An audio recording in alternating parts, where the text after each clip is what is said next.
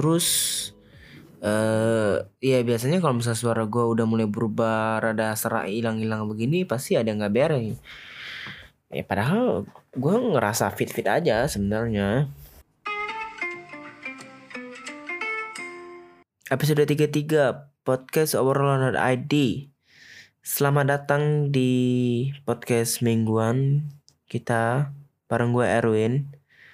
Selamat datang. Welcome aboard. uh, ya yang tadi gue bilang kan kayak nggak tahu sih kenapa mungkin gara-gara kemarin tuh gue banyak makan ciki gitu kan banyak makan snack terus ya ya ya udah Padahal gini nih, padahal tuh gue tuh udah udah ini udah sering banget terjadi ketika uh, ketika gue sering makan snacks, ketika gue sering makan ya cemilan-cemilan gitu,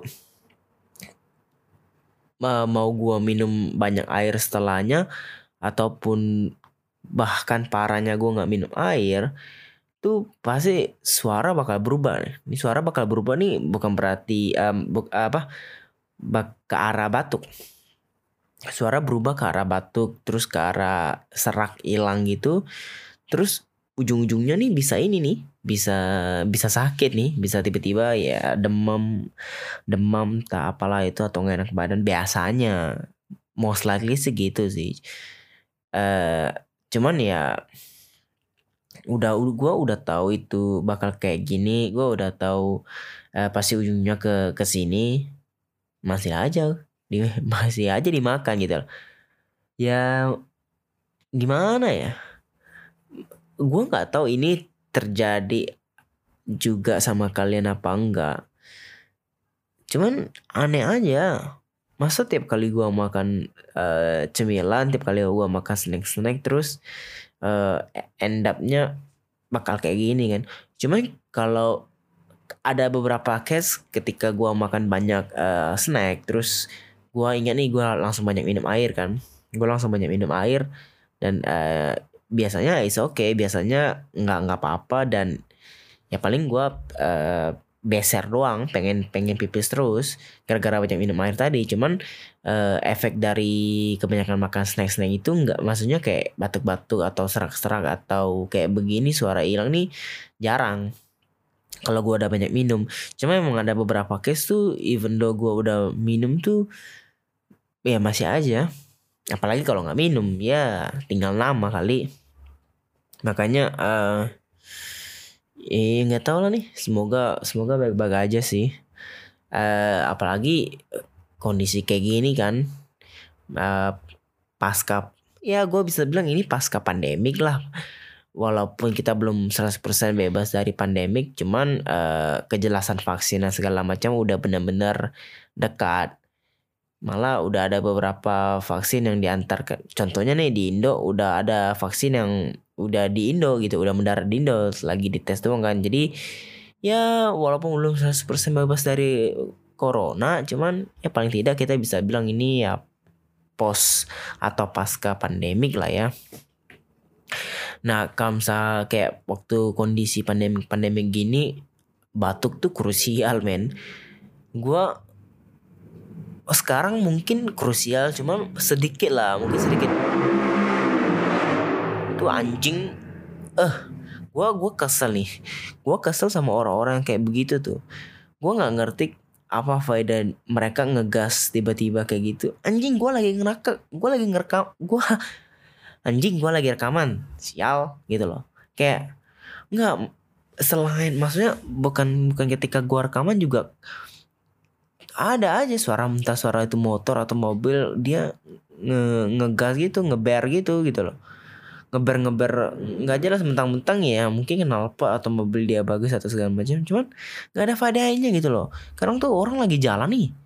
Jalan di tepi jalan uh, entah mau ke mana gitu kan.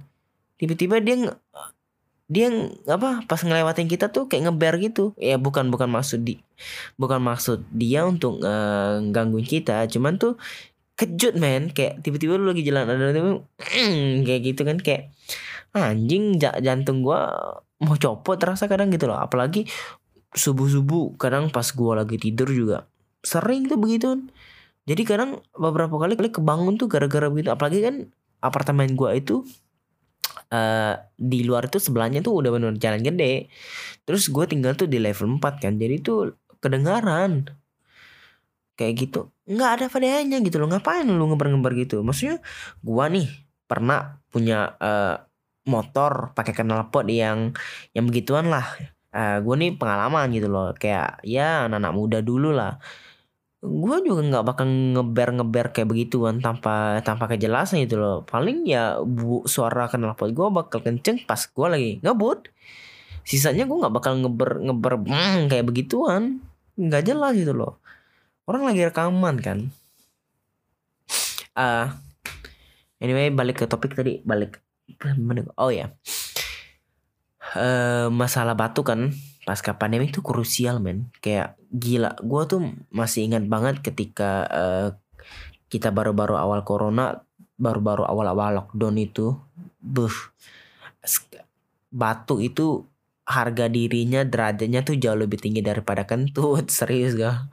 Mungkin kalau bisa bisa disuruh pilih orang lebih milih untuk kita atau untuk orang tersebut uh, kentut daripada batuk gua kan gua nggak tahu gua pribadi cuman beberapa teman gua bahkan keluarga gua tuh ngalamin pas baru baru-baru pandemi kan baru-baru pandemi terus baru-baru lockdown kan.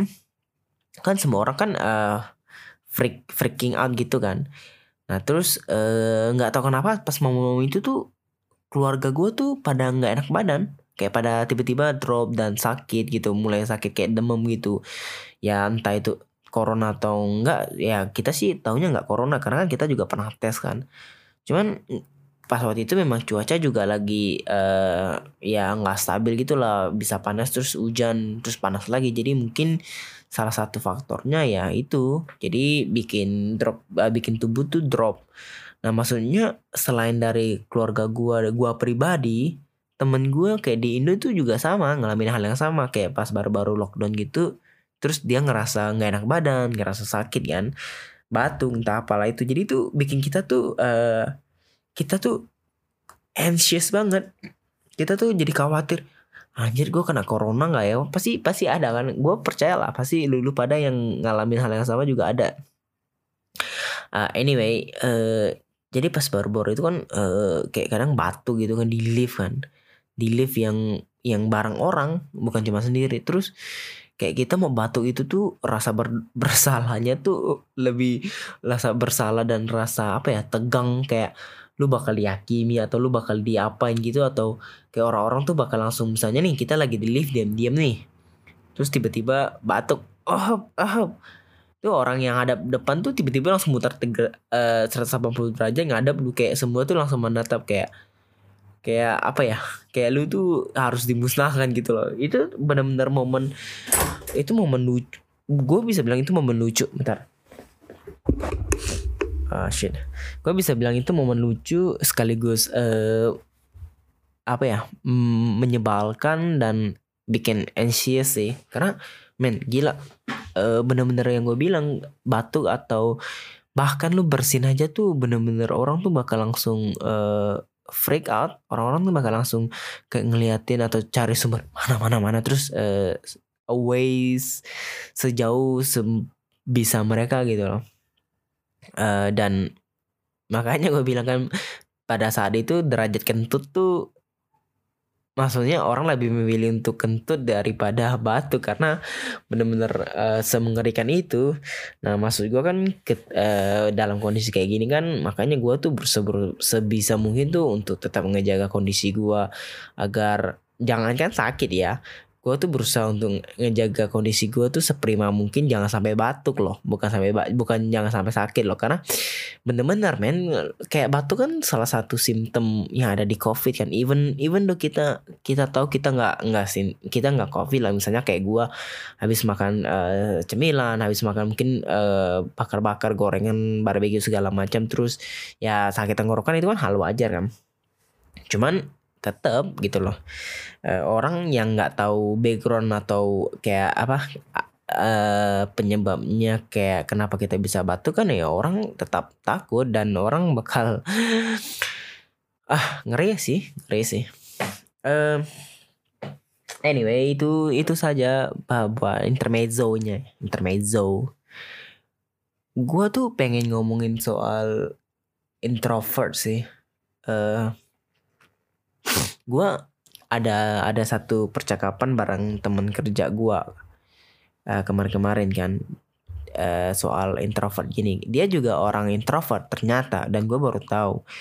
Dia bilang uh, dia itu uh, punya punya dia itu punya background studi background study yang bagus dan kalau nggak salah tuh dia punya gelar-gelar yang bagus untuk uh, melanjutkan atau maksudnya bekerja di bidang atau di di gelar dia itu gitu loh.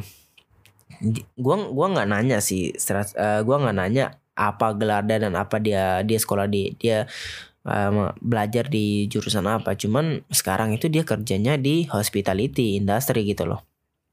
Uh, which is yang jauh kayak gua tahu itu tuh berbalik belakangan sama uh, background education dia.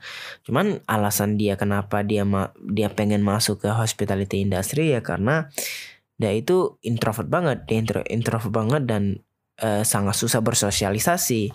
Dan yang dia tahu kalau di hospitalis hospitality ini tuh social socialize tuh benar-benar diperlukan benar-benar even lu nggak bisa socialize kalau lu udah masuk ke industri hospitality lu bakal ditempa ditempa dalam artian uh, sosialis sosialisasi ya se sehabis mungkin sih. Dan itu yang gua ngalamin pribadi juga. Kayak gua men gua tuh orang yang introvert parah sih sebenarnya. Maksudnya bukan parahnya gimana cuman uh, eh, gue masih bisa ber melakukan percakapan dengan orang. Cuman kalau lu suruh gue milih gue bakal milih untuk tidak bersosialisasi kalau bisa gitu. Tapi kecuali sama orang-orang terdekat gue misalnya sama ya sefrekuensi se-circle gue ya gue nggak nggak ada masalah. Karena ya kita udah kita udah hangout bareng kita udah bermain bareng gitu udah ada di circle yang sama lah biasanya orang introvert itu uh, bakal susah tuh bersosialisasi sama orang baru, uh, sama orang-orang tidak sefrekuensi. Ya, yang gue mau bahas itu yang orang-orang tidak sefrekuensi. Sebenarnya bukan masalah oh, introvert juga introvert atau enggak introvert sih, cuman gue rasa orang yang introvert pun kalau nggak sefrekuensi dia bakal susah. Maksudnya bukan susah sih dia bakal uh, mungkin tidak klop lah. Gue tidak bilang susah sih. Mungkin dia bakal bisa bersosialisasi cuman dia tidak bakal klop. Jadi ya mungkin teman main bareng lah.